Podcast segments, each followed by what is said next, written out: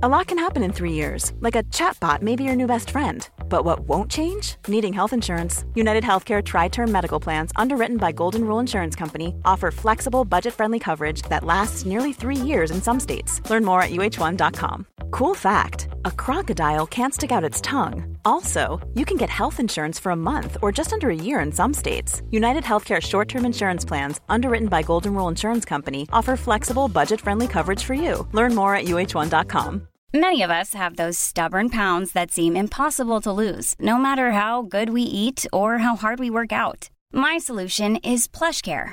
PlushCare is a leading telehealth provider with doctors who are there for you day and night to partner with you in your weight loss journey. They can prescribe FDA-approved weight loss medications like Wagovi and Zepbound for those who qualify. Plus, they accept most insurance plans. To get started, visit plushcare.com slash weight loss. That's plushcare.com slash weight loss. I'm Sandra, and I'm just the professional your small business was looking for. But you didn't hire me because you didn't use LinkedIn jobs. LinkedIn has professionals you can't find anywhere else, including those who aren't actively looking for a new job, but might be open to the perfect role, like me. In a given month, over 70% of LinkedIn users don't visit other leading job sites. So if you're not looking on LinkedIn, you'll miss out on great candidates like Sandra. Start hiring professionals like a professional. Post your free job on linkedin.com/people slash people today. I'm amazed how many people own stocks. They, they would not be able to tell you why they own it. They couldn't say in a minute or less why they own it. Actually, you really press them down, they'd say, the reason I own this is the sucker's going up. There's enough cash in the financial system, and there's an infinite amount of cash at the Federal Reserve, an infinite amount Put of cash. that check in a money market mutual fund. Then we'll reinvest the earnings into foreign currency accounts with compounding interest, and it's gone. So they had to do something. All they had left was just to print money and start buying things. And that's what they did.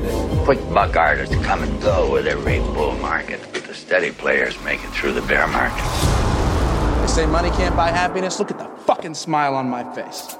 Hej och välkommen till ett nytt avsnitt av Market Makers. Och Bitcoin, Fabian, har gjort all time high i svenska kronor. Äger du Bitcoin nu för tiden? Nej, jag, jag, jag känner så här, jag satt faktiskt och tänkte på det här om dagen. Jag har verkligen ingen edge i, i krypto längre. Om man någonsin kunnat ha en edge, men jag kommer ihåg eh, 2017 då du och jag satt och vevade där och vi gick väl in där tid. Du, du satt ju och vevade längre än så. Jag, det var ju liksom, när bör- började du handla det? 2015 eller vad det var? Jag vet inte årtalet, men jag köpte de första för 1000 dollar. Och nu var den väl, är den uppe i 55 000 eller något sånt. Okej, jag ja, har men- inte ägt under hela resan tyvärr. Ja, men det kan, kanske var hösten 20, 2016 du satt och snackade om det. Och jag bara, fan, det här är ju, det här är ju skräp liksom.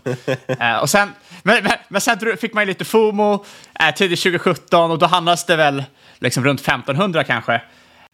Vad var det jag ville säga med det här? Jag vet faktiskt inte riktigt vad du vill säga, men man har ingen edge i Nej, det. exakt. Och det jag vill säga är ju ett, det kändes att man var sjukt sen på resan.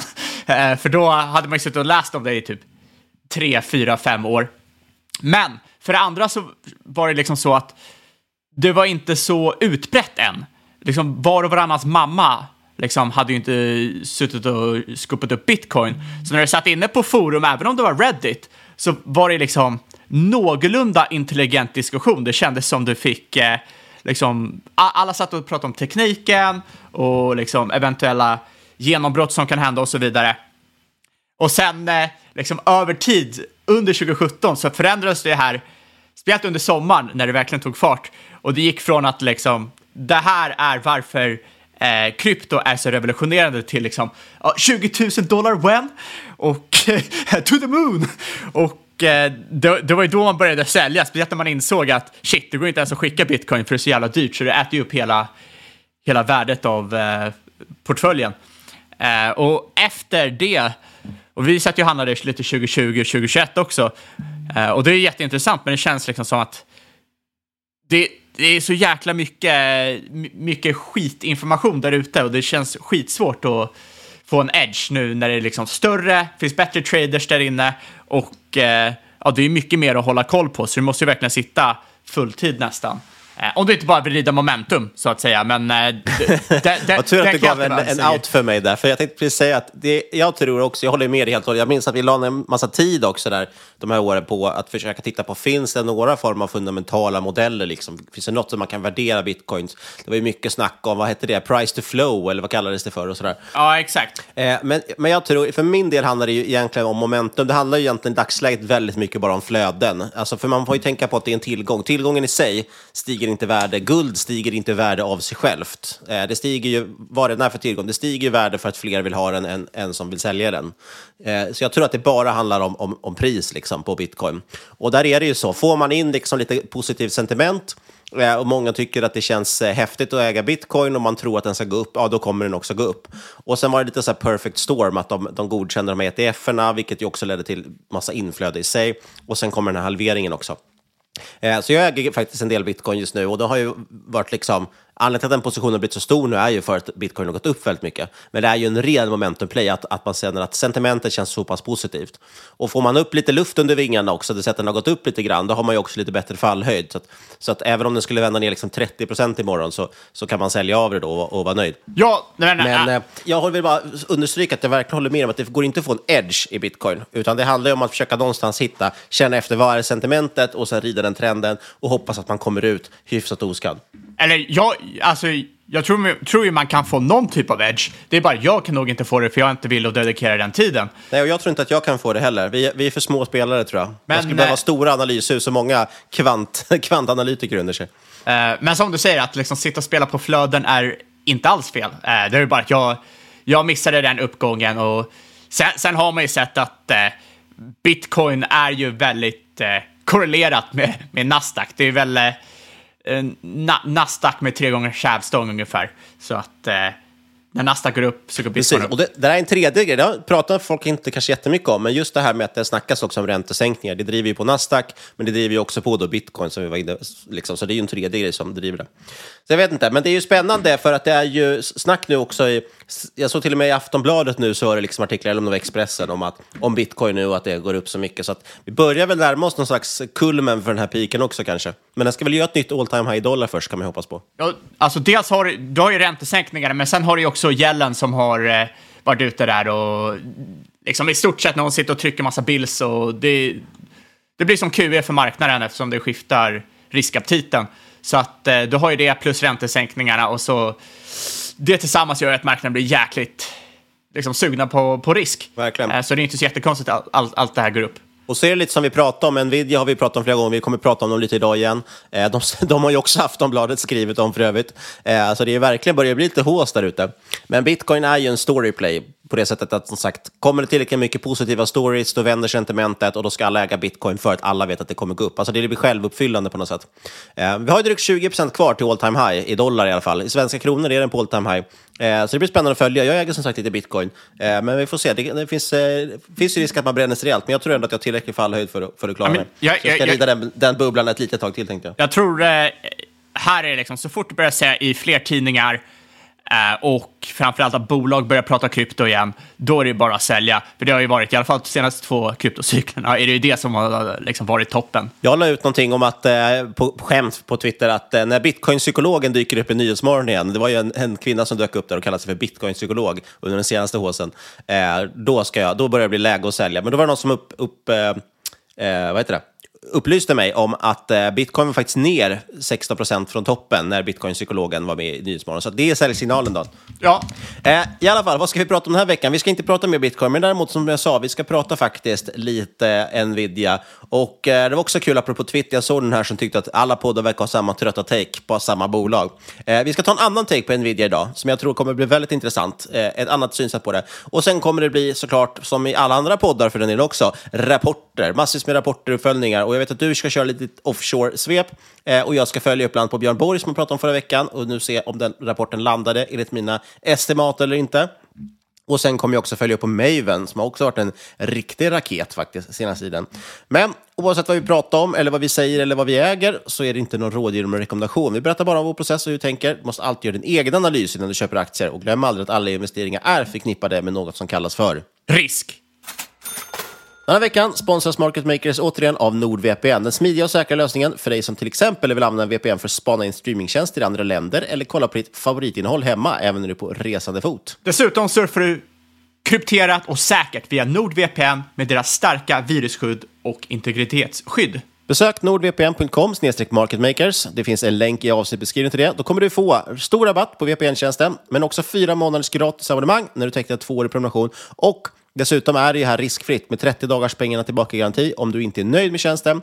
Eh, ja, så det är ingenting, finns ingenting att tveka på. Du får dessutom en kupong också på ytterligare tre månader gratis som du antingen kan ge bort eller använda själv om du vill ha ännu mer gratis NordVPN. Vi säger stort, stort tack till NordVPN.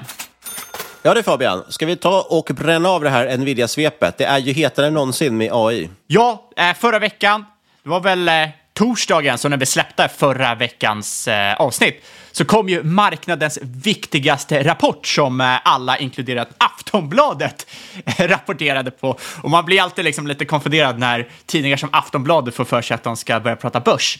Ehm, men fan vilken rökare till rapport. Det var ju otroligt mycket inprisat, vi pratade om det. Eh, trots det så lyckades de ju slå estimaten och aktien gick väl eh, cirka 15 procent på det.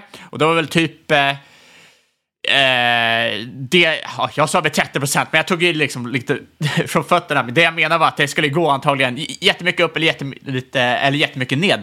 Och det gjorde och det ju så verkligen. var det också, de slog ju de här, det var ju sanslösa estimat och ändå slog de det. Det var ju faktiskt eh, svårt att tro att de skulle kunna lyckas med nästan. Ja, Men omsättning. det var nästan kanske upplagt för det också, lite krattat för det. Eh, absolut, alltså det här var ju nästan till ett perfekt eh, kvartal. Alltså omsättningen eh, landade ju på 22 miljarder och det här var ju jämfört med 20 miljarder estimat. Eh, earnings per share, eh, varför säger jag det på engelska? Vinst per aktie. Eh, ursäkta till alla som brukar klaga på min eh, svengelska. Eh, landade på 5,16 eh, dollar och det här är jämfört med 4,59 i estimat och så guidar man ju upp eh, för Q1 Eh, i omsättning på 24 miljarder jämfört med 22 miljarder estimat. Så man krossar ju verkligen analytikerna här och det här är trots motvind i eh, Kina-segmentet som helt gått till noll, eh, eller ja, i stort sett till noll. Och omsättningen här, det drevs ju såklart av datacenter, det vill säga AI. Year on year så var det här upp cirka 400 procent, 26 procent sekventiellt. Och ja, man, liksom, majoriteten av Eh, guidningen nästa eh, kvartal kommer ju från datacenter, det vill säga 22 miljarder. Och det innebär att man har en run rate eh, för 2024 om cirka 100 miljarder bara i datacenter. Eh, och som då även nämnde, jag tror det var förra veckan, så eh, liksom... Nej, det kan du inte ha gjort för att... Eh, vart nämnde du det? Ah, det, var, det kanske var i den här eh, after, after work-grejen du var med i, Niklas. Ja, precis. Jag var med i Spara Cash med Marcus, min gamla kompis. Och det var ju många roliga. Det var ju Axel från Nordnet. Och även hästen, känd som, eh, jag känd som på Twitter, Erik Lundberg, som eh, jobbar på Kalkyl och driver podden, eh, nu har de ju bytt namn, Gött kött om aktier. Exakt, och Där pratade vi en hel del Nvidia, för det var ju typ i sam samband med den rapporten släpptes. Ja, det var, var, var, var väl samma kväll, men då nämnde du ju att bruttomarginalen var rekordstark och eh, det gyn, de gynnades ju av eh, liksom gynnsamma eh, komponentkostnader. Ja, Eh, men att det kommer falla tillbaka och du såg många andra bolag Ja, som... men exakt. Vi kan stanna bara en minut. Jag tänkte återkomma till det när vi pratar om Maven. Eh, Maven Wireless, för de har ju egentligen samma grej. De har ju också rekordstark marginal. Det finns lite andra anledningar till det också. Men jag tror att det är någonting man ska hålla utkik efter. Jag tror ibland att Mavens marginal kan, kan pressas lite framåt på grund av det här. För att, det här har vi tjatat om tidigare, men vi tar det en gång till. Komponentpriserna steg ju jättekraftigt eh, på grund av den här komponentbristen. Och då helt plötsligt så eh, var det ju många bolag som drabbades negativt av det. För du köpt, hade lovat liksom leverans till ett visst pris, men du köpte in komponenterna dyrare än vad du hade räknat med. Och då går det ju såklart med, med en större förlust eller sämre marginal. Eh, och nu har vi det omvända. Nu är komponentbristen löst. Det går att ta på komponenterna, då går priserna ner. Men du håller fortfarande det höga priset ut mot kund. För du har ju höjt på grund av den här komponentbristen som du, som du brände dig på. Eh, och det läget kommer ju inte hålla, för kunderna kommer ju kräva förstås. De ser ju de här, de här rapporterna i publika, så de kommer ju börja kräva lägre priser i och med att de vet att insatsvarorna är billigare. Så det där kommer ju normaliseras. Så det där tror jag, och, och Nvidia själva sa ju det också, att de trodde att det här var peakmarginaler, att vi kanske kan hålla det något kvartal till eller vad de sa, men, men det här är liksom piken i marginaler, så marginalerna ska komma ner lite grann. Sen är ju alltid frågan hur mycket, det kan inte jag svara på, men, men de kommer pressas ner. Ja, och det är väl, väl eh, rimligt. Sen förra veckan så eh, noterade jag även att ledtider hade kommit ner enormt. Och då var ju liksom Eh, det, det, kan antingen vara för att man har dragit upp kapacitet och tillverkar fler chip, eller att efterfrågan har minskat. Och eh, vi fick ju svar av det, eh, på det i rapporten och det är att man eh, adderar utbud i snabbast möjliga eh, takt här. Och eh, efterfrågan fortsätter växa snabbare än utbud och det guidar man för resten av året. så det är inte direkt så att eh, efterfrågan har fallit tillbaka. Och man ser ju liksom väldigt stark efterfrågan på deras eh, flaggskeppschip, här, H100. Och även för de nya chippen som ska släppas nu under 2024, H200 och B100. Vä vä väldigt hypade chip och noterar här att det är extremt stora så kallade HBM-kostnader, alltså High Bandwidth Memory som vi pratade om förra, eh, förra veckan för dessa chip. Och eh, det, det, det innebär ju att eh, det kan vara rätt intressant att rida den här HBM-vågen nu när minnescykeln bottnat. Jag tänkte återkomma i de närmaste veckorna med lite small cap-bolag man har hittat i, i sektorn som drar nytta av det här. Um, ett annat intressant grej också att deras connectivity-lösning Infiniband växte fem gånger year on year. Um, det är alltså snabbare än deras liksom, GPU-omsättning. Uh, ehm, och som vi har pratat om är liksom interconnect är en bottleneck och eh, det borde vara väldigt bullish för till exempel Marvel Technologies, som jag nämnde lite snabbt förra veckan, eh, som, som jobbar nära liksom, eh, det här segmentet. De rapporterar nu på fredag, Eh, kollade senast idag och analytiker skissar väl på cirka 0% tillväxt year on year, eh, medan Nvidia har liksom 500% tillväxt year on year i ett liknande segment.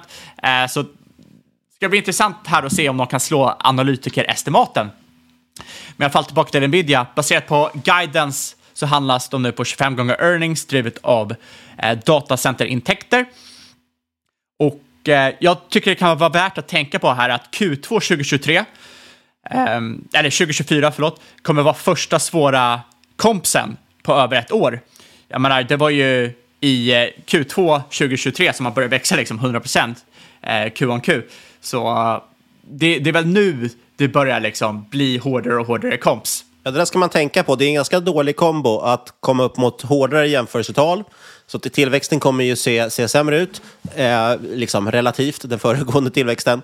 Och marginalerna också kanske kommer börja pressas ner. Det är lite som, eh, som Evolution Gaming, liksom, där man haft, de gör ju fortfarande fantastiska tillväxtsiffror, har fortfarande en fantastisk marginal, men marginalen växer inte lika snabbt, tillväxten är inte lika imponerande och den aktien har ju, har ju ändå havererat om man tittar på något, något års sikt.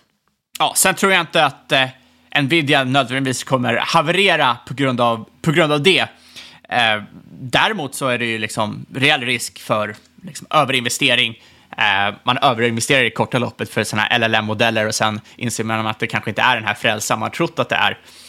Eh, men liksom, lite tröttsamt med all, eh, allt bass mot Nvidia. Liksom, lyssnar man på poddar, lyssnar man på eh, Twitter-takes och så li liknande. Så jag menar, det här Nvidia AI-uppgången måste vara bland den mest hatade uppgången bland eh, ja, verkligen. liksom halvdana investerare.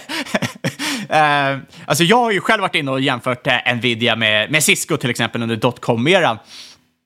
Ehm, liksom. Men jag jämför ju mer med marknaden hur marknaden hanterar tillväxt och värderingar snarare än själva bolaget.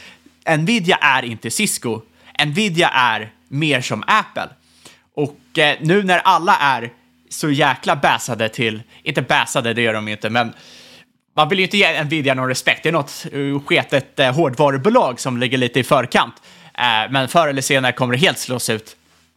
Då känner man liksom att fan, man vill ju vara lite contrarian här, ta andra sidan och berätta hur jäkla bra Nvidia är. För där, det känns lite underskattat bland den genomsnittliga investeraren om man jämför med de andra Mark 7-bolagen. De flesta har ju fullständig koll på hur liksom, bra Google är och Apple och Meta och Microsoft, vilka fantastiska bolag de här är.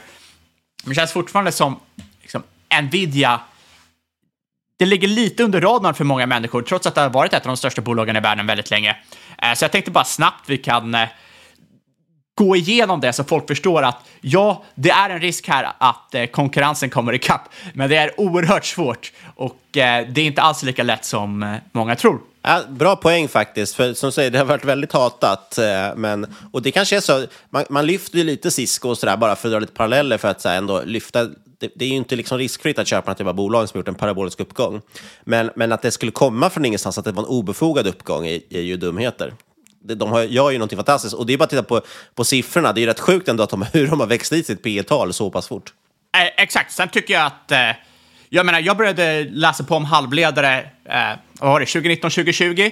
Eh, insåg att det här är ju supercykliskt, det är nog ingenting för mig. Sen eh, liksom, började man ändå veva i olja och olika råvaror, så insåg man att ah, men det här med cykliskt är jäkligt roligt. Så nu är man ju tillbaka här och studerar eh, shipping. om man säger så. Men istället för shipping med S så är det shipping med C. eh, och eh, det, det, det, det är jättekul det här, för folk drar sig undan liksom, andra cykliska sektorer för det är läskigt. Men när det kommer till liksom, AI, då vill ju alla vara där, även fast det här är en liksom, supercyklisk sektor. Ehm, ah, ja. no, no, nog med det i alla fall. Ehm, tillbaka till Nvidia. Nvidia insåg ju länge sedan att liksom, de här techjättarna, de skulle vilja äta deras lunch så att säga. Eh, så de började bredda sig både horisontalt och vertikalt. Man kan ju nästan säga att Nvidia är det mest paranoida bolaget i industrin. För de har ju varit så oerhört rädda för att dels tappa marknadsandelar och därmed tappa marginal. Eh, för de har ju länge de har ju varit jätterädda för att bli Intel och de vill ju vara Apple, så eh, Jensen Wang har ju gjort allt möjligt för att liksom ta sig dit. Och det första jag tänkte säga är att alla underskattar alltid hårdvara. Det är ju bara att kolla på Apple själva. Eh, liksom hur länge handlades det till en superbillig multipel för att de bara sålde telefoner, det vill säga hårdvara. Och vem som helst skulle liksom, det här kommer bli en commodity och andra kommer komma in och liksom eh, överflöda marknaden, eh, äta deras lunch och så liksom kommer Apple vara över. Det var väl typ 10 år och så handlades Apple till typ P10. Men det är ju inte så lätt. Eh, speciellt när du har lite, lite mjukvara så inkopplat. Eh, så det, det är väl liksom det första. Ja, det, tror jag man, det tror jag verkligen man underskattar faktiskt. Eh, folk tror ju som du säger att det, hårdvara är, är enkelt. Och absolut, om man tillverkar tandborstar då är det ganska enkelt för någon annan att tillverka en tandborste. Eh, men, men det här är ju extremt komplexa varor. Det var ju som vi, någon av de här GPU-erna som de pratar om, nu har jag glömt bort namnet på det, men den väger ju liksom 35 kilo och innehåller typ 30 000 delar. Det är ju inga småprylar, det är ingenting som vem som helst kan svarva ihop i garaget. Det är en enorm teknikhöjd och eh, liksom, krävs ju kvantfysik för att ens förstå hur det är byggt. Ja, och liksom de, designen görs ju dels med hjälp av AI, men dels du kan inte bygga för liksom vad som händer nu. För då kommer det vara utdaterat när chippet kommer ut. Utan du måste ju liksom ha experter som förutser vad kommer vi vara om några år. Och det är ju också en sjuk know-how som är, det är jättesvårt. Det är bara att fråga liksom TSMC och eh, varför det inte finns några andra TSMC. Ah, det finns inte tillräckligt många experter med den typen av know-how för att bygga upp eh, liksom an, an, andra, eh, an, andra tillverkare i den storleken som kan göra lika eh, komplexa chip. Så det är ju liksom, väldigt, väldigt underskattat. Eh, så först och främst, Nvidia har utan tvekan den bästa hårdvaran, bästa folket som är anställda där. Eh, liksom, det är know-howen som finns där. Ingen rår på dem just nu. Eh, och sen har de ju dragit ner det här eh, fönstret för att släppa sina, släppa sina flaggskeppschip eh, från, tror det var två år till ett år. Så att de inte ska lämna något fönster för eh, konkurrenterna att komma in. Eh, som sagt, under 2024 ska de släppa två chip, det är H200 och B100. Och eh, det kommer väl eventuellt vara några få månader mellan släppet av H200 och B100 som AMD ska släppa ett chip som kanske är marginellt bättre än eh, H200. Men det har sämre marginaler, det har för låga volymer, relativt lågt intresse med B100 runt hörnet. Och eh, bara som referens, B100 ska väl ha typ 2x prestandan av H200 som i sig har 2x prestandan av H100 om det säger er någonting. Eh, så att det är jättesvårt för konkurrenterna att komma in här med ett chip, även om de lyckas liksom komma ikapp och ha någonting som är väldigt bra. Eh, så då sitter ju alla bara, men varför ska vi inte bara vänta den här månaden tills Nvidia kommer med ett mycket bättre chip? Eh, sen har de såklart CUDA, deras ekosystem, som utvecklare självmant sitter med.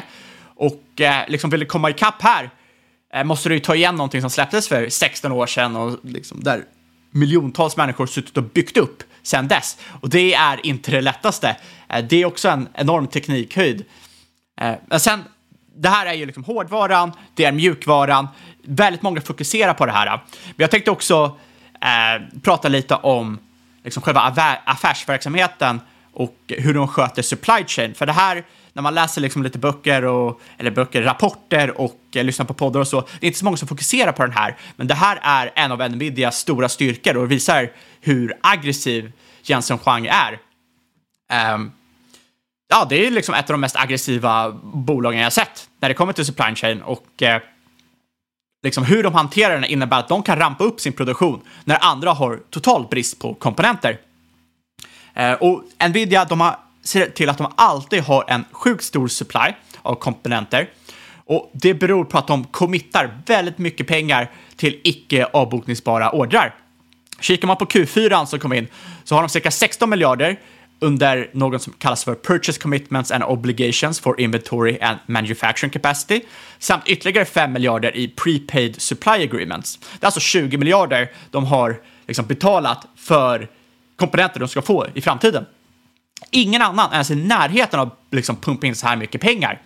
Och därmed är de inte liksom förberedda på sådana här tokhåsar som man har sett nu med LLM-hetsen. Och ja, det innebär ju att Nvidia ibland måste göra nedskrivningar på några yards, men det är smällar man får ta om man vill vara längst fram. Det är så jag försöker säga till min fru också när, vi, när portföljen har gått ner. Exakt. Vad är några miljarder i sjön? uh, men uh, jag sa ju liksom hur viktigt det här uh, high bandwidth uh, memory är. De har liksom lyckats knyta majoriteten av supply för det här från uh, marknadsledaren SK Hynix i uh, Sydkorea, Samsung och Micron som vi pratade om förra veckan.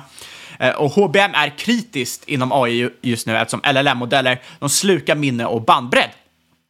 Och i varje H100-chip som Nvidia släpper ingår det cirka 80 GB HBM från marknadsledaren SK Hynix till en total kostnad om eh, cirka 1200 dollar. Och då går det ett sånt här chip för cirka 30k. Så det är en stor del av kostnaden. Men det visar också hur viktigt liksom, HBM är just nu. Eh, såg även att eh, Micron eh, har gått upp cirka 15 procent senaste veckan och eh, bland annat är det på grund av att de har inlett volymproduktion för HBM 3E-minnen som ska användas i Nvidias nya H200-chip. Eh, men är du en annan, eh, liksom, är du en konkurrent eller någon annan producent, ja, tough luck. För du kan inte få tag i HBM-minne. Nvidia har även köpt upp all TSMCs eh, Covos Supply, alltså Chip on Wafer on Substrate. Vi behöver inte gå in på exakt vad det är, men det innebär högre prestanda i alla fall för chippen. Eh, så liksom, det jag vill komma fram till är att även om du tekniskt sett har skissat upp ett chip som skulle kunna slå Nvidia, så kan du inte tillverka det för att ingen kan komma upp i tillräckligt stora volymer för att vara ett reellt hot. Nvidia lägger så stora ordrar liksom att de tränger ut nästan alla andra spelare. Och leverantörer har ett väldigt svårt val här. Det är så antingen gör du affärer med Nvidia, eh, du kommer få oändligt många ordrar, eh, du kommer tjäna hutlöst mycket pengar, eller så säger du nej och Eh, du riskerar att eh, designas ut ur Nvidias försörjningskedja och aldrig få med och eventuellt konkar om det inte kommer någon annan och eh, täcker upp här. Eh, och det är ju så att många av de som har varit AI-vinnare senaste året är ju AI-vinnare just för att de sitter och handlar med eh, Nvidia. Sen om du är kund har du väldigt svåra val att göra också. Det är nämligen så att Nvidia ger preferens till kunder baserat på om de liksom, till exempel multisourcar eller har planer att skapa egna chip Eh, om de köper annan hårdvara, typ switchar och optik eller tjänster som eh, deras mållösning. Och det här innebär ju att infrastrukturleverantörer som CoreWeave och Equinix och Oracle eh, som är mer kunder och mindre hot blir allokerade volymer som är mycket närmare deras faktiska behov än techjättar som Amazon och Microsoft. Och liksom, det här är ju trots de stora capex-investeringarna eh, i GPUs som techjättarna faktiskt gör. Och jag tänkte bara en snabb instickare här är att eh, eh, Kommer du ihåg för två veckor sedan ungefär Niklas, när vi diskuterade lite om varför techjättarna var så intresserade av att tillverka egna chip och vi resonerade att det var på grund av den här bristen snarare än marginalerna. Eh, och eh, sanningen är ju att det är faktiskt på grund av båda anledningarna. Inte bara på grund av bristen utan även marginalerna. För det är så att traditionella molntjänster är det är relativt billigt att driva för att inputkostnader Eh, alltså infrastrukturen är commoditized, billigt att köpa, liksom låg eh, capex och eh, sen driftkostnader, till exempel el och liknande är, och hyra och så är rätt lågt. Eh, men liksom går det över till GPU-moln, där är inputkostnader liksom helt plötsligt snordyra. Liksom med en eh, faktor 20 ungefär. Eh, eftersom då har ju Nvidia som tar hutlösa marginaler på sina chip. Och så drar de ju mer energi och kraft och så deprecierar de på fyra år istället för eh, sex år på grund av liksom, innovation och liknande. Så det här innebär att helt plötsligt så har du ett eh, liksom GPU-molnet som kostar cirka 20 gånger vad ett liksom, traditionellt CPU-moln gör. Tänk dig då att du är ett företag vars lönsamhet eller tillväxt är beroende av dina molntjänster. Och liksom allt fler företag nu är intresserade av AI och liksom att använda GPU så inser du ju snabbt att ah, det här kan vara liksom lite av en existentiell kris för många bolag här. För marginalen käkas ju upp. Så enda sättet för Google och Microsoft och Amazon här är ju egentligen att liksom försöka minska kostnaderna på kapitalsidan, utveckla sina egna chip och eh, liksom övertala kunder att använda de här chippen istället för Nvidias chip. För att på så sätt liksom introducera lägre kostnader och bygga en konkurrensfördel och hålla kvar i sina marginaler. Men eh, tillbaka till Nvidias kunder och eh, allokering av chip. Eh, en sak Nvidia alltid varit bra på är liksom bundling och upselling och cross-selling. Till exempel så trycker gärna eh, Nvidia på sina kunder sämre chip för att de ska liksom, få en större allokering av deras flaggskeppschip, eh, H100 till exempel. Eh, det här är ju något som de har gjort sedan PC-eran då företag behövde köpa stora volymer av low och mid-end GPUer för att bli allokerade high-end och flagship GPUer som, eh, som ge, skulle ge dem högre marginaler i deras egna produkter. Och sen hanterar man också gärna sin eh, supply chain så att produ liksom produkter som InfiniBand, eh, InfiniBand-switchar som är dyrare och har högre marginal än standard Ethernet-switchar har lägre ledtider så att kunderna liksom i stort sett blir tvingade att ta de här switcharna. Och det är på det här sättet som de får just InfiniBand att växa typ 5x på ett kvartal och liksom växer snabbare än sina GPUer och blir är liksom ett liksom byggs upp till en eh, liksom faktiskt reell kategori i eh, bolaget som de tjänar pengar på. Så eh, liksom, inte bara pressar man kunden att eh, köpa produkter för att få större volymer eh, och det de verkligen vill ha, utan en annan intressant grej här är också att man tvingar kunder att i stort sett kommoditisera sig själva. Um, så tar du till exempel OEMs, alltså Original Equipment Manufacturers, uh, så pressas många av dem att använda Nvidias MGX-plattform, vilket används för, att, liksom, för serverdesign. Och i grund och botten så tar ju det här det svåra ur att skapa en server, det kommoditiserar produkten, ehm, skapar mer konkurrens och driver ner marginalerna. Och eh, kollar du då på västerländska bolag som vill behålla sin marginal som Dell och HPE, de är såklart starkt emot att använda det här. Och sen har du lågkostnadsbolagen i liksom, Taiwan och Asien, Supermicro, Asus och Gigabyte. De älskar det här, för nu liksom kan de också konkurrera eh, och dra in mer strålars. Och liksom, tar, tar de emot det här så får de ju också fler flaggskepps-GPUer, så det är win-win för dem. Eh, så Jensen Wang har ju, alltså han har ju byggt en otrolig juggernaut här och eh, Vet du vem han eh, påminner mig lite om, Niklas? Ibra Kadabra. Ibra Kadabra, nästan. Det, han påminner mig mycket om eh, Rockefeller som vi pratade om i, i somras i våra sommaravsnitt. Alltså otroligt aggressiv på alla fronter. Han expanderar åt alla håll samtidigt som han klämmer åt alla som inte vill spela boll. Eh, otroligt imponerande eh, faktiskt. Och eh, jag tycker att han får alldeles för lite cred jämfört med många andra av de Mag 7 eh, liksom, vdarna och grundarna. men liksom, trots allt detta, trots eh, vilken jäkla motorfördel och fördel de har, eh, om du är ett bolag som lyckas komma ikapp liksom, eh, hårdvarumässigt med GPU-erna, eh, all annan hårdvara i GPU-stacken, du kommer ikapp med mjukvaran, du lyckas locka till de här leverantörerna att eh, liksom byta över till dig, eh, liksom, eh, trots, så, så att du faktiskt kan bygga eh, tillräckligt mycket volym eller tillräckligt, tillräckligt mycket volym trots alla risker det innebär för dem.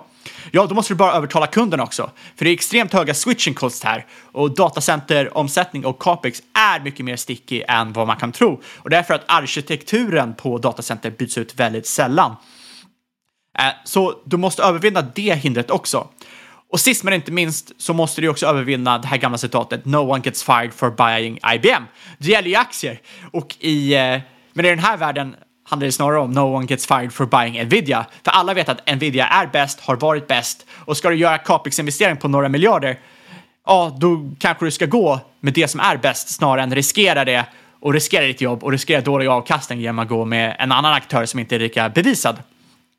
Eh, med det sagt så är det inte så att jag som sagt slänger mig på eh, köpknappen här. Jag tycker bara att det har blivit alldeles för populärt att bajsa på Nvidia och det är inte coolt att göra det längre så då vill jag inte göra det. Och då är det coolare att prata om hur bra de är och hur eh, liksom, underskattat bolagsbygge det här är. För att liksom, det Nvidia är nu är mycket mer likt Apple än vad det är Cisco, tycker jag personligen. Eh, med, med allt de har liksom, i bakgrunden. Um, jag tror personligen inte att AI-bubblan som sagt kommer spricka och att det är en konkurrent som går om Nvidia och liksom tar över marknaden. Jag tror att det kommer vara så många gånger att det blir en rejäl hås bland bolag och jäkla massa capex pumpar in i någonting med tvivelaktig ROI. LLMs är supercoolt, men nyttofunktionen är ju fortfarande oklar. Och eh, det är ju LLM som kräver den här kapaciteten i GPUs. Så om liksom, bolag stannar upp och bara, ah, men vi vet inte riktigt exakt hur vi ska använda det här just nu och det mattas av lite. Ja, då kommer ju liksom, eh, då kommer ju tillväxten för Nvidia stanna upp också. Eh, med det sagt så tror jag fortfarande att många undersegment här som analytiker känns väldigt bäsade till eh, fort, fortfarande kan prestera även om det här skulle hända. Eh, bara för att liksom, alla estimat jag ser känns otroligt låga. Eh, sen är det ju så också att du har ju de här big tech-bolagen, de får inte köpa andra bolag i stort sett längre. Så då, då är en intressant take här också, ja, de har ingenting att göra av sina cash, de kanske inte vill dela ut allting. Vad ska de göra då? Ja, då investerar de det i framtidens, eh, framtidens chip och i AI istället. Men eh, jag har ju börjat läsa lite lite artiklar här med att eh, du har tonårsmiljonärer som sitter och tradar Nvidia och AI och grejer och då blir man ju alltid lite... man är alltid lite skeptisk. Det är nog nyttigt. Man, man, man, man, blir lite skeptisk och du vet, sånt här kommer jäkligt snabbt. Det är ju som, alltså, det är som vilken råvara som helst, det är därför det är så intressant. Eh, men folk tänker inte på att det är en råvara. Men eh, vad, vad är det man brukar säga att eh, halvledare är 2000-talens olja? Och det är ju det är sant. Ja, men intressant. Nej, Nvidia har ju en sjukt hög teknikhöjd. Det är, inte, det är ett utmanande P tal om man kollar på rullen 12, men i och med hur mycket de har växt så har de ju liksom ändå växt i den här kostymen, så det är inte liksom en, en sanslös uppgång. Men frågan är alltid såklart, håller tillväxten, håller marginalerna? Eh, jag vet inte, jag lutar ju mer åt att det håller än att det inte gör det. Men eh, jag äger inga Nvidia för tillfället. Jag ägde lite kring eh, rapporten där, men har inte kvar dem. Nej, som sagt, jag tycker att det finns eh, andra intressanta möjligheter här eh, som jag tror ja, som jag tror att investerare kommer hitta till under 2024 när all fokus har ju legat på Nvidia eh, i stort sett, eh, förutom vissa shitcodes som Supermicro. Och det tror jag kommer sprida ut sig, speciellt om man tror att liksom, AI faktiskt kommer bli en rejäl bubbla då allting verkar helt från vettet. Eh, men också bara om liksom, det här kommer vara en sekulär trend. Då måste det sprida ut sig. Absolut. Och, och, just nu är det det som har drivit Nvidia, absolut. Nu har tillväxten varit helt otrolig, men det är ju också lite story liksom, som vinner på att alla tittar på ett och samma bolag eh, och köper upp det för att man inte vet bättre. Eh, men det där kommer såklart sprida ut sig och framförallt kan man ju se undereffekterna. När deras tillväxt ökar mycket, ja, men de köper ju också prylar någonstans ifrån. Eh, och folk som du har varit inne på tidigare avsnitt måste ju folk också kanske expandera kraften i datacenter, till exempel hur mycket trafik man får in och ut och så vidare. Eh, så det kan nog sprida sig. Men du, ska vi hoppa in och prata lite småbolag, eller? Dock i helt andra sektorer. Ja, för att vi fick en riktig pangrapport från eh, Björn Borg här. Ja, två pangrapporter från två bolag jag har pratat om. Jag tänkte först då prata om eh, Björn Borg. Eh, bolag som jag tror alla känner igen. Eh, kalsongtillverkare är väl det de framförallt känner för, men det handlar om allmänt med kläder. De har ju även väldigt skor och sådana saker också. Eh, ticker Borg, B-O-R-G. Eh, och eh, jag pratade ju om förra veckan på det här temat, lite broken retail som jag kallar Jag tror att det här med konsumentvaror är också en sån här sektor som är väldigt utbombad. Och vi har ju sett flera fantastiska case. Jag menar, Chefello är väl det mest extrema med Linas matkasse. Men det finns mycket annat intressant också. Jag lyfte ett par sådana förra veckan. Men eh, när vi pratade om det förra veckan, då hade ju inte Borgs rapport kommit än, utan den skulle ju komma dagen efter inspelning, så det var lite läskigt. Så jag tänkte bara följa upp snabbt på den, så det blir inget långt inlägg. Men eh, rapporten var ju fantastisk, eh, men det var intressant. Omsättningen var i princip flat, till och med ner, typ en halv procent eller någonting. Där hade jag lite fel. Jag trodde att de skulle växa lite grann i och med julhandel och så vidare. Men eh, det spelar egentligen ingen roll om de växer eller inte. För det viktiga, och det var det som jag pratade om, det är att marginalen ska öka. Det var det man ville se. Och att egen e-handel ökar, eller egna kanaler. Och det är ju framförallt e-handel. Eh, omsättningen för den egna e-handeln ökade 46 procent. Så det är ju faktiskt en, en väldigt kraftig tillväxt. Och det är ju det här som är liksom caset som man vill se, Björn Borg. Att handeln flyttar över från andra butiker in till deras egen e-handel och därmed får upp marginaler och få upp vinsten och så vidare. Och det var lite det som var liksom caset i flera av de här bolagen i den här sektorn, att man tror att de kanske kan göra lönsamhetsförbättringar under de här lite sämre tiderna. Och att de är ju, många bolag är lite utbombade för att konsumenten är svag. Eh, totalt ökar vinst per aktie 180 procent för Björn Borg. Vinstmarginalen nu nästan eh, ja, drygt 7,5 procent, kan man jämföra med 2,7 procent för samma kvartal föregående år. Även rörelsemarginalen är också mer än dubbelt så hög. Så det är ett fantastiskt kvartal sett till lönsamhet. Eh, man höjer också upp utdelningen 50 procent. Eh, här kan ju tilläggas, för den som inte ägt Borg tidigare, att de delar ju ut via inlösen aktier, så det är lite speciellt förfarande. Eh, jag är inte helt van vid det heller, kan jag inte påstå. Men man delar upp varje, ordinarie, eller varje aktie i en, i en ordinarie aktie och en inlösen aktie. Eh, och så får man lösa in den här inlösenaktien för 3 kronor. Okej. Okay. lite speciellt eh, förfarande. Men eh, aktien steg i alla fall upp 10% på rapportdagen. Det var jätteroligt. Ja, jag nämnde ju det som sagt just för förra, att de redan i Q3 och, och tidigare pratat om det just det här med att e-handeln och det som liksom växer. Och man till och med stänger ju butiker för att liksom satsa mer på den här e-handeln. Roligt här ändå att Pinpoint tycker jag brukar vara ganska bra på estimat, men där tror de är på 5 tillväxt på omsättningen. Eh, men de, de vanliga analytikerna så att säga låg faktiskt bättre, de låg ju på 2% tillväxt. Så alla trodde på tillväxt. Jag gjorde ju bort mig mest, eh, för jag trodde ju eh, mer mot 5% än 2% kanske till och med lite högre än det. Men det var ju helt fel. Det var någon på Twitter som sa det till och med. När jag skrev någonting om något bolag, estimat, så sa han att du har ju aldrig rätt i din estimat. Men det är skönt att man, det är skönt att man kan generera avkastning trots att man har dåliga estimat. Jag tror inte, apropå edge som vi pratade om i bitcoin, jag tror inte att min edge ligger i att jag gör bra estimat. Det får andra människor göra, som är duktigare på Excel kanske. Eh, det brukar ordna upp sig ändå. Jag, jag, tycker att estimat är intressant mest för att ha en... Jag höftar lite liksom. Jag tycker att det är intressant att få en känsla för, är det dyrt eller billigt? Och ungefär var ligger det till värderingsmässigt? Eh, så jag vet inte, jag tycker inte att det är jätteviktigt att hamna på kronan rätt. Du, nej, jag, jag, jag, jag, håller väl med där. Det är, liksom, det är riktningen är mer intressant än exakt. Precis. Eh, och det är väl som eh, Munger brukar säga, det är bättre att ha eh, ungefärligt rätt än helt fel. Ja, och sen när man då knappar in sina siffror, då måste man ju dock välja en siffra. Så då får man ju gissa på vad omsättningstillväxten är. Men det mest intressanta var ju vinsten. Eh, jag gissade på att e e vinst, per krona, eller vinst per aktie skulle landa på ungefär 3 kronor och vinst per aktie landade på exakt 3 kronor. Så där får man väl ändå klappa sig på axeln. Och då handlas det här bolaget just nu till P17 Nästa år räknar jag på kanske P 13, 14, mer mot 14 än 13. Eh, jag tycker det är ganska fair, kanske till och med lite billigt. Jag tror kanske, jag vet inte hur mycket av det här rörelsen som har spelat ut, när de ju ändå liksom visar på den turnarounden. Men ja, lite kanske finns kvar att ge och jag äger fortfarande faktiskt aktier i Björn Borg. Sen tänkte jag hoppa vidare till Maven, Maven Wireless, som vi pratade om i avsnitt 312 om man vill få en större inblick i det bolaget. Det var också en riktig rökarrapport. Ja, också upp samma dag också. Den var ju också upp typ 10 procent. Du har, eh, du har en riktig comeback under 2024 alltså? Jajamän, det är mitt år. Eh, så, så, det måste man ha efter man haft ett jäkla skitår förra året. Någon gång måste det vända. Eh, hisspitchen för det här bolaget, för den som inte minns, det är trådlös täckning inomhus. Till exempel tunnlar, men också olika typer av byggnader. Så de drar in antenner på olika sätt och förstärker upp eh, täckningen.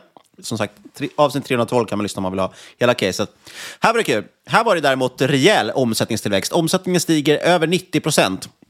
Eh, man omsätter nu nästan 80 miljoner kronor, kan jämföras med 40 miljoner då, eh, för några år. Och den här försäljningstillväxten är helt organisk, ska tilläggas. Det tycker jag är ju ett rätt bra tecken. Eh, mest intressant här också, här har man ju det här double whammy, det är det man absolut helst vill se i bolag.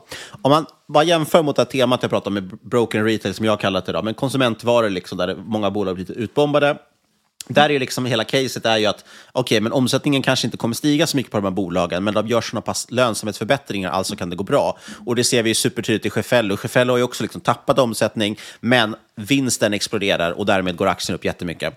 Eh, men det man ännu hellre vill se, men tyvärr brukar det oftast då vara inprisat, men man vill ju ännu hellre se bolag som både växer omsättning och marginaler, för då får man ju den här extremt explosiva eh, utvecklingen. Nu ska jag inte göra några jämförelser mellan Maven och Evo, men Evo är ju liksom typexemplet, det bästa extrema exemplet på den resan. Som sagt, inga jämförelser i övrigt, jag bara lyfter det som ett exempel.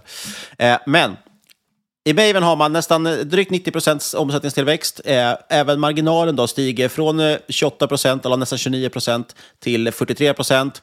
Ebita-marginalen eh, går gånger fyra. Rörelsemarginalen går från 1,5 procent bara till nästan 20 procent. Så det är otroligt bra. Och men här är det här just brasklappen här som vi pratar om i komponentpriser. Man säger att förbättringen av bruttomarginalen beror framförallt på normaliserade komponentpriser samt att de leveranser som nu sker är med justerade priser. Det finns även en del engångseffekter genom fördelaktig produktmix, kommenterar vdn. Så det här ska man hålla ögonen på. Och på mina liksom, estimat framåt, då, som vi nu har kommit fram till att de är urusla tydligen. Men jag, jag skissar ju på, för, för säkerhets skull, det är återigen här, man kan ju också liksom prata om estimat. Är, estimaten, är syftet med estimaten att nå den exakta sanningen? Eller handlar det om att räkna, man kan ju ibland också välja att räkna på ett försiktigt scenario eh, och se vad får man fram då. Så kommer man fram till att oj, aktien är billig även om jag räknar försiktigt. Och då blir det ju som en option att aktien kommer gå bättre än vad man har tänkt. Eh, och jag har ju räknat på faktiskt att, att vinst, alltså marginalen kanske ska pressas lite framåt, att den inte ska ligga lika högt. För nu har det ju varit extremt bra. Eh, och jag tror till viss del att det har att göra med de här komponentpriserna. Det säger man ju själv också. Precis som vi var inne på med Nvidia, att priserna har kommit ner nu, men årarna sker fortfarande till det gamla priset. Vinst per aktie går från 1 öre till 31 öre. Eh, PE ligger nu på 22 på rullande 12. Eh, jag räknar kanske att man har PE 16 eh, nu för 2024. Jag räknar att man kanske ska växa 75 procent. Man har ju dock pratat mycket om det här med att man dubblar omsättningen varje år, men det är ju inte något officiellt mål man har framåt. Men jag tror att man kommer växa ganska aggressivt även 2024. Men som sagt, jag har räknat att eh, vinstmarginalen minskar någonting. Eh, vad heter det? Eh, till viss del, från kanske 16 procent 2023 till 13 procent. Då får jag ut en krona per vinst i aktie eh, och det blir P 16 som sagt. Men eh, som sagt, man vet inte. Det är ju svårt att veta och det är ju ett väldigt aggressivt, eh, väldigt aggressiv prognos om eh, tillväxt i bolaget, 75 procent. Det ska ganska mycket till. Eh, så vi får se, men jag tror fortfarande att de är i en intressant fas. Eh, men det kan ju visa sig att jag är helt fel. Man delar ut ungefär 10 öre eh, och det ger en direktavkastning då på en halv procent, så det är inte så mycket att skryta om. Det som var intressant dock med den här rapporten, eh, eller jag tyckte det var kul med tillväxtsiffror och eh, bruttomarginaler, men allt handlar ju om framtiden. Och en stor oro som jag såg bland många, det är ju det här med orderingången. För orderingången eh, minskade i nästan 75 procent. Och det är ju extremt. Och orderingången då, alltså orderboken som man har, det är ju helt enkelt Titta på hur mycket ordrar man har i backloggen, hur mycket man ska leverera framåt. Och det är ju ett superoroande tecken om, en order, om orderboken eller orderingången minskar. För det betyder ju att du har mindre att leverera framåt. Men det här tycker jag man ska, man ska zooma ut lite grann på det här. Titta på hur orderboken ser ut. Eh, de visar ju upp det här i sin rapport och så kan du titta på hur orderboken och orderingången ser ut över tid. Eh, och då ser du tydligt att det har varit en tydlig... Alltså, det har taktat neråt långsamt. Det är inte så att det går 75 procent pang bom, utan det har ett långsamt liksom... Eh, taktas ner lite grann. Eh, och, och anledningen till det här är ju på grund av den här kom, alltså komponentbristen som har liksom löst sig. Eh, och det här säger man också. Sen kan det ju vara så att ledningen har fel. Vi har ju sett det i några andra bolag att man har sagt att orderingången är svag på grund av rimliga anledningar och sen så har det blivit jättedåligt. Eh, men jag väljer att lita på ledningen i det här fallet med, med risk för att man får äta upp det sen. Men det de säger handlar egentligen om att det har varit som komponentbrist, så folk har liksom lagt order väldigt långt framåt förr i tiden. Förut la man en order för kanske ett helt år framåt och nu har det justerat ner till att ledtiderna är nu kanske 8 till 16 veckor. Och det är en stor, stor skillnad från att ha 52 veckors ledtid. Eh, vilket gör då att ja, då omsätter man ju också orderboken snabbare eh, och, och folk behöver inte lägga orders lika långt fram, och vilket gör att det blir naturligt att orderboken minskar. Ja, det är rimligt tycker jag. Ja, lite svamligt svar känner jag från mig, men, men poängen är helt enkelt att det handlar om att man normaliserar egentligen orderboken. Den har ju varit onormal innan och nu går tillbaka till ett mer normalt läge. Det ska inte påverka verksamheten någonting, men som sagt, med risk då för att jag får äta upp det sen om det visar sig att det här var, det här var första tecknet på slutet för bolaget. En intressant fråga, det har jag inte fått svar på, men det är ju faktiskt vad är pris och vad är volym i det här? För orderboken och orderingången mäts ju såklart i kronor. Eh, hur mycket av orderingången minskar på grund av volym? Det är det man själva skyller på. Att man säger att vi har mindre volym, för folk beställer med liksom mindre framförhållning. Men man undrar också hur mycket det beror på pris, att de har sänkt priserna. Eh, jag tror majoriteten kommer från volym, men det hade varit intressant att se den, den mixen, liksom, eller den eh, delen på det sättet. Ja, man säger i alla fall att det här har bottnat. Eh, vi ser nu att orderingången börjar ta fart igen. Den ökar något till och med jämfört med föregående kvartal. Eh, så det är intressant. Aktien gick upp rejält, jag äger fortfarande aktier. Det har jag, jag försöker ju ganska ofta köpa aktier likaviktade. Eh, jag fick en fråga apropå den här livesändningen där från Spara Cash. Då var det någon fråga liksom vad största innehavet var nu. Och jag insåg att typ mina största innehav just nu är bitcoin och Maven. Och det är inte för att jag tycker att bitcoin kanske och Maven egentligen är det mest intressanta man ska äga. Men i och med att jag ofta köper likaviktat och tycker jag inte någonting förändras liksom fundamentalt. Jag håller inte på att skala så mycket, fast man kanske borde göra det. Eh, det har gjort att de har växt och det är marginellt, marginellt att det är stora innehav. Eh, det handlar om små, små, små procentskillnader bara egentligen från resten. Så det är inte så att eh, man ska lägga något värde i det. Och det jag som sagt skulle oroa mig för mer, jag är inte så orolig för den här orderingången som jag är inne på, utan jag skulle oroa mig framförallt för marginalerna. Vad kommer hända med marginalerna framåt? Precis som jag sa i Nvidia. Eh, de själva säger ju att det har stärkts på grund av lägre pris på insatsvaror. Eh, frågan är när det bottnar, när börjar det synas, hur mycket påverkar det? Förhoppningsvis så kommer också en del av marginalresan från skalfördelar. Eh, så att, men jag tror inte att man ska räkna med så mycket mer stark marginal. Jag har till och med, som sagt, för att ta lite höjd, har jag räknat på lite lägre vinstmarginal framåt. Då. Men som sagt, eh, jag tycker fortfarande det är ett intressant case. Jag äger fortfarande aktier. Eh, jag tycker dock man ska ta med sig, man ska titta på det gången. Den är jätteviktig att följa nu, för visar sig att det inte är på grund av normalisering, då har man ju riktiga problem. Eh, man vill se hur marginalerna utvecklas. Jag tror att det inte kommer att vara ett problem, men det kan ju vara så att de, de liksom inte stärks lika mycket och det kan ju marknaden tycka är tråkigt, såklart. Eh, sen tror jag också man, eh, en fördel kanske med orderingången, liksom, det är att man, en sak vi pratade om tidigare, att förut har ju bordet varit lite slaget mellan kvartalen eftersom bolaget är litet och orderna var relativt stora. Men nu när den här ordern, liksom, boken blir lite mer normaliserad, orderingången blir mer normaliserad, så kanske det där blir mindre slaget. Så det kan ju vara något positivt framåt. Men eh, ja, som sagt, jag tycker eh, fortfarande case jag äger. Vill du hoppa över till dina offshore-case kanske? Nu känner jag att jag har svamlat länge nog här. Nej, men det är, bara en snabb där. Hur eh, unika är de med sina produ produkter?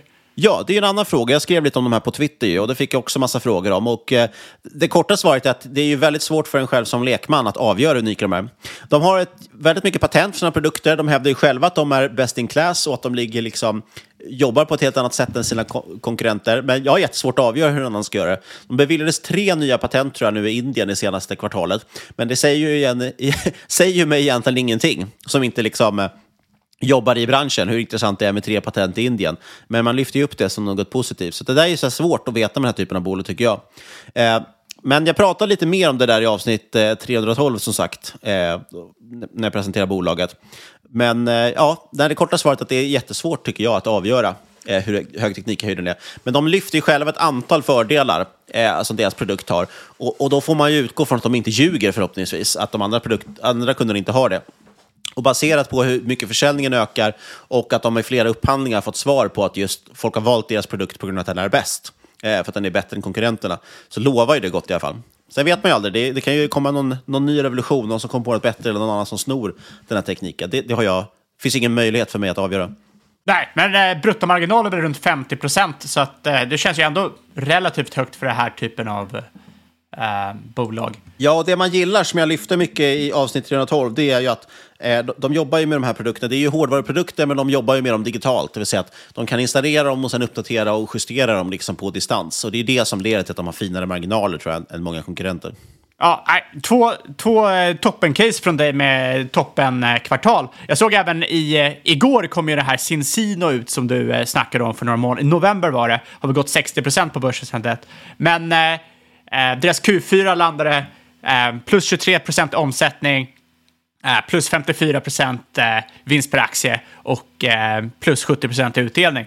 Så att, det är inte fy skam det heller. Och guidar ju också mellan 2024 och 2026 att de ska växa minst 20 procent om året.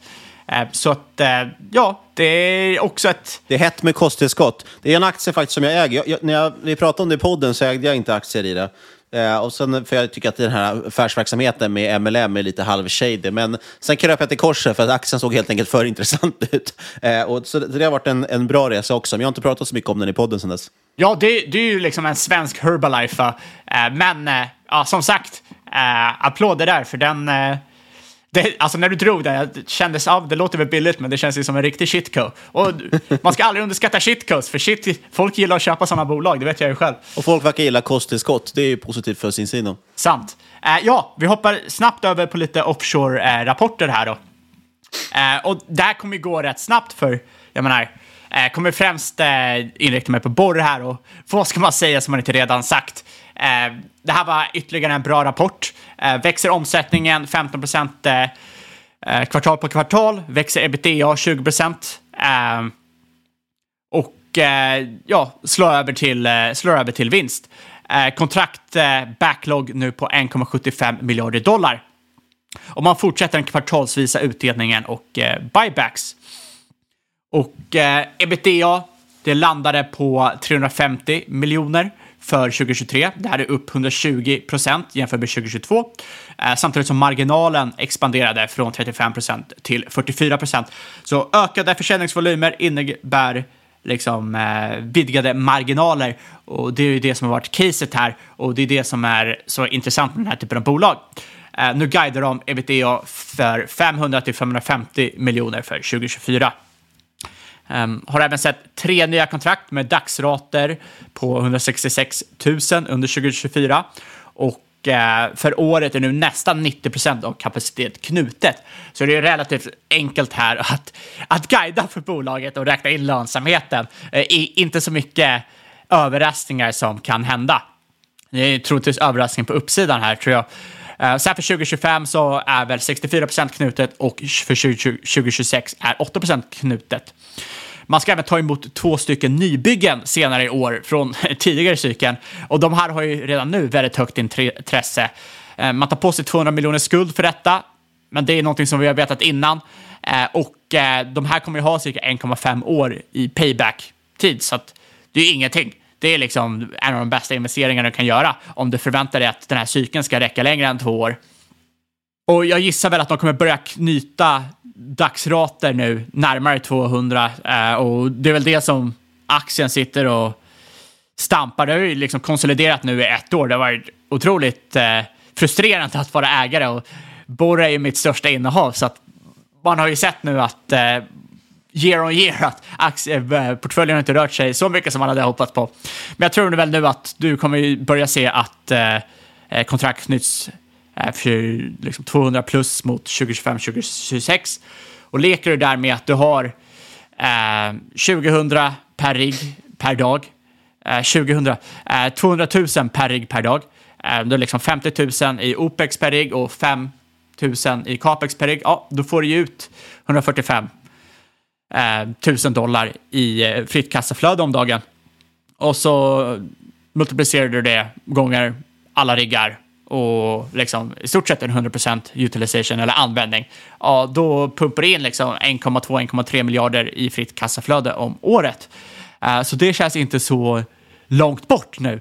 Och det innebär ju att ett bolag som handlas liksom strax över 3 miljarder i enterprise values verkar inte så jättedyrt.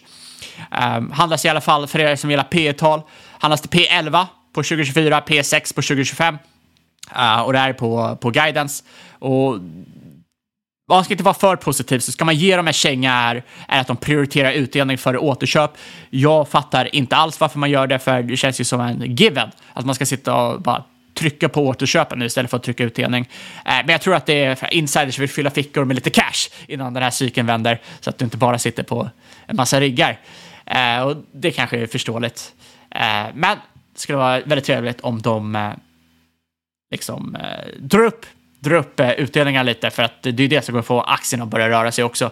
Eh, allmänt, så här, om man sitter och kollar på de här andra rapporterna från de andra riggarna, Transocean och Valaris och Noble och så vidare, så verkar ju att det är jackups där du vill vara 2024. Eh, de här Deepwater Drillers, det är en tröttare marknad med gap i kontraktet, mycket tröttare än vad man hade kunnat förvänta sig för två år sedan. Um, uh, många av de här bolagen pekar på att EMPs vill komma åt längre kontrakt. Um, alltså, vill du ha riktigt höga dagsrater så är det kontrakt på två till tre år som gäller. Uh, men då kan det uppstå en del gap här och för att liksom minska gapet, öka utilization så kommer man liksom vilja slänga på längre kontrakt, kontrakt typ 4-5 år, men där du drar ner dagsraterna.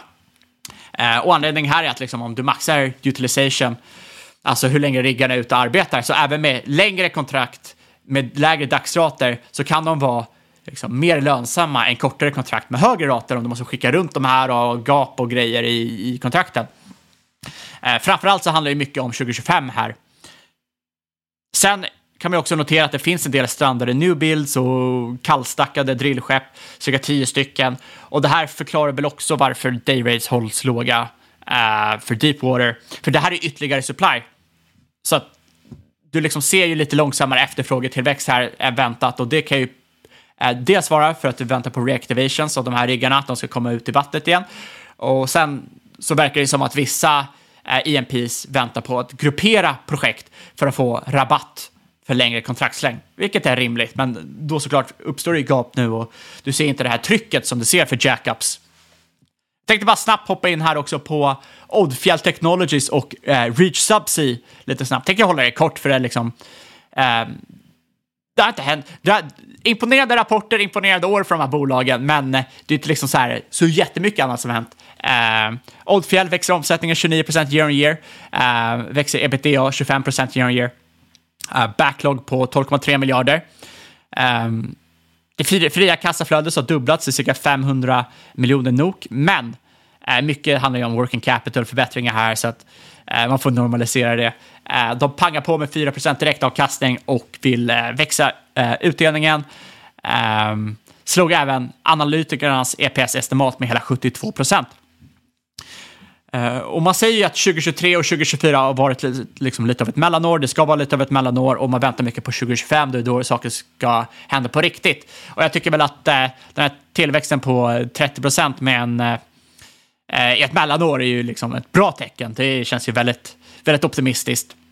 Och bolaget handlas till cirka P7 på rullande 12.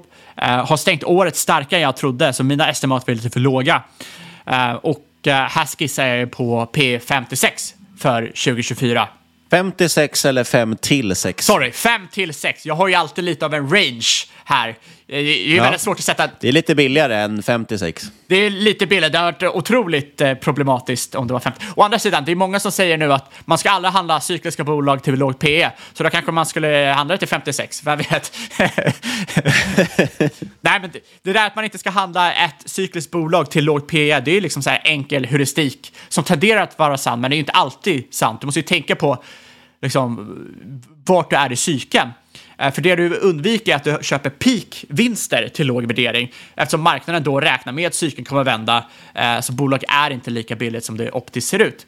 Eh, men något som är lite ovanligare, men som jag tror vi ser nu i många av de här bolagen, är ju att du köper bottenvinster eller liksom midcykelvinster till en låg värdering eftersom det finns ingen som vill ha, sitta på de här bolagen än. Och mycket är ju på grund av att liksom, du har haft en enorm boombasscykel tidigare, eh, du har haft corona och sen har du haft ESG-pressen som har gjort att du dels skrämt iväg många potentiella investerare och sen är det många som liksom bara inte kan köpa för de har i sin tur investerare som inte vill röra vid olja för det är ajabaja. Eh, men man får försöka bilda sig ett grepp här om vart man är i cykeln. Det är otroligt viktigt. Eh, sen går vi vidare till Reach Subsea. Det här är också ett bolag som slog mina estimat. Eh, växte omsättningen med 72 procent year on year. Eh, ebit eh, hela 216 procent year on year. Backloggen ligger nu på 1,2 miljarder NOK. Uh, det som trycker lite här är väl att Reach Remote, de sitter och fördröjer det här lite. Nu ska det dra igång under sommaren 2024 och jag tror när jag börjar kolla på caset så var det väl i Q1 2024. Så. Ja, eh, för mig har ju mycket av caset handlat här på effektiviseringen och, liksom, och minskade kostnader som du får när Reach Remote automatiseras. Sen går ju resten av bolaget bra såklart, men resten av bolaget är ju liksom i stort sett eh, du drar in eh, pengar på spreadar när du får in och utlysning av skepp och då leasar du in på jättelånga kontrakt och leasar ut på korta kontrakt och så tar du spreaden där. Och det är såklart superbra i bullmarknad, superdåligt i bearmarknad. Eh, så att eh, jag vill gärna ha något annat där också. Eh, och sen har de satt de och gjorde lite, gjorde lite acquisitions under förra året jag inte var toknöjd med. Men det verkar ju ändå som de har haft rätt bra eh, resultat. Dessutom ska majoriteten av den här 1,2 miljarder eh, NOK i backlog realiseras under 2024, så du får ju ett jäkla stöd för omsättningstillväxten eh, under, under året. Handlas till cirka 6,5 procent direktavkastning, eh, P 6,6 på rullande 12. Eh, som sagt, jag hade underskattat tillväxten här och framförallt marginalexpansionen. Så slog mina egna estimat, eh, men slog analytikernas estimat ännu mer. Eh, för de hade väl, eh, det, det slog väl deras estimat med typ 20 på omsättningen och 500 på EPS, så de var ju helt off. Eh, men jag skissar väl på en PE mellan 4 till 5 för 2024, beroende på vart det kommer med Reach Remote här. ja, som sagt, otroligt imponerande från de här bolagen som faktiskt varit mycket starkare än vad jag har trott. Och med det är det dags att runda av veckans avsnitt. Eller vad säger du? Ja, det tycker jag väl är lika bra. Ska vi snabbt ta lite innehavsdeklaration här? Är det någon av de här eh, offshorebolagen som du äger aktier i? Ja, jag äger just nu bara borr inom eh, offshore och sen har jag tagit en liten rapportspek i det här Marvel Technologies jag nämnde lite snabbt i Nvidia-svepet. Just det, de som gjort de här Iron Man-filmerna. Exakt, exakt. Ah, och jag äger Borg och Maven av det som vi har pratat om. Det är svårt att hålla koll på om man ska säga Borg eller Borr. Däremot har vi väl Borg i bolagsportföljen. Eh, oavsett vad vi äger och inte så ska du komma åt inget hört den här podcasten som rådgivning. Alla åsikter i våra egna eller gäst och inte sponsor tar inget ansvar för det som sägs i podden. Tänk på att alla investeringar är förknippade med risk och sker under eget ansvar. Och eh, stort tack till NordVPN. Länk finns såklart i avsnittsbeskrivningen. Och glöm inte att kontakta oss på podcast marketmakers.se eller på Twitter at marketmakerspod och lämna gärna en recension på iTunes. Och sist men absolut inte minst, kära lyssnare, stort tack för att just du har lyssnat. Vi hörs igen om en vecka.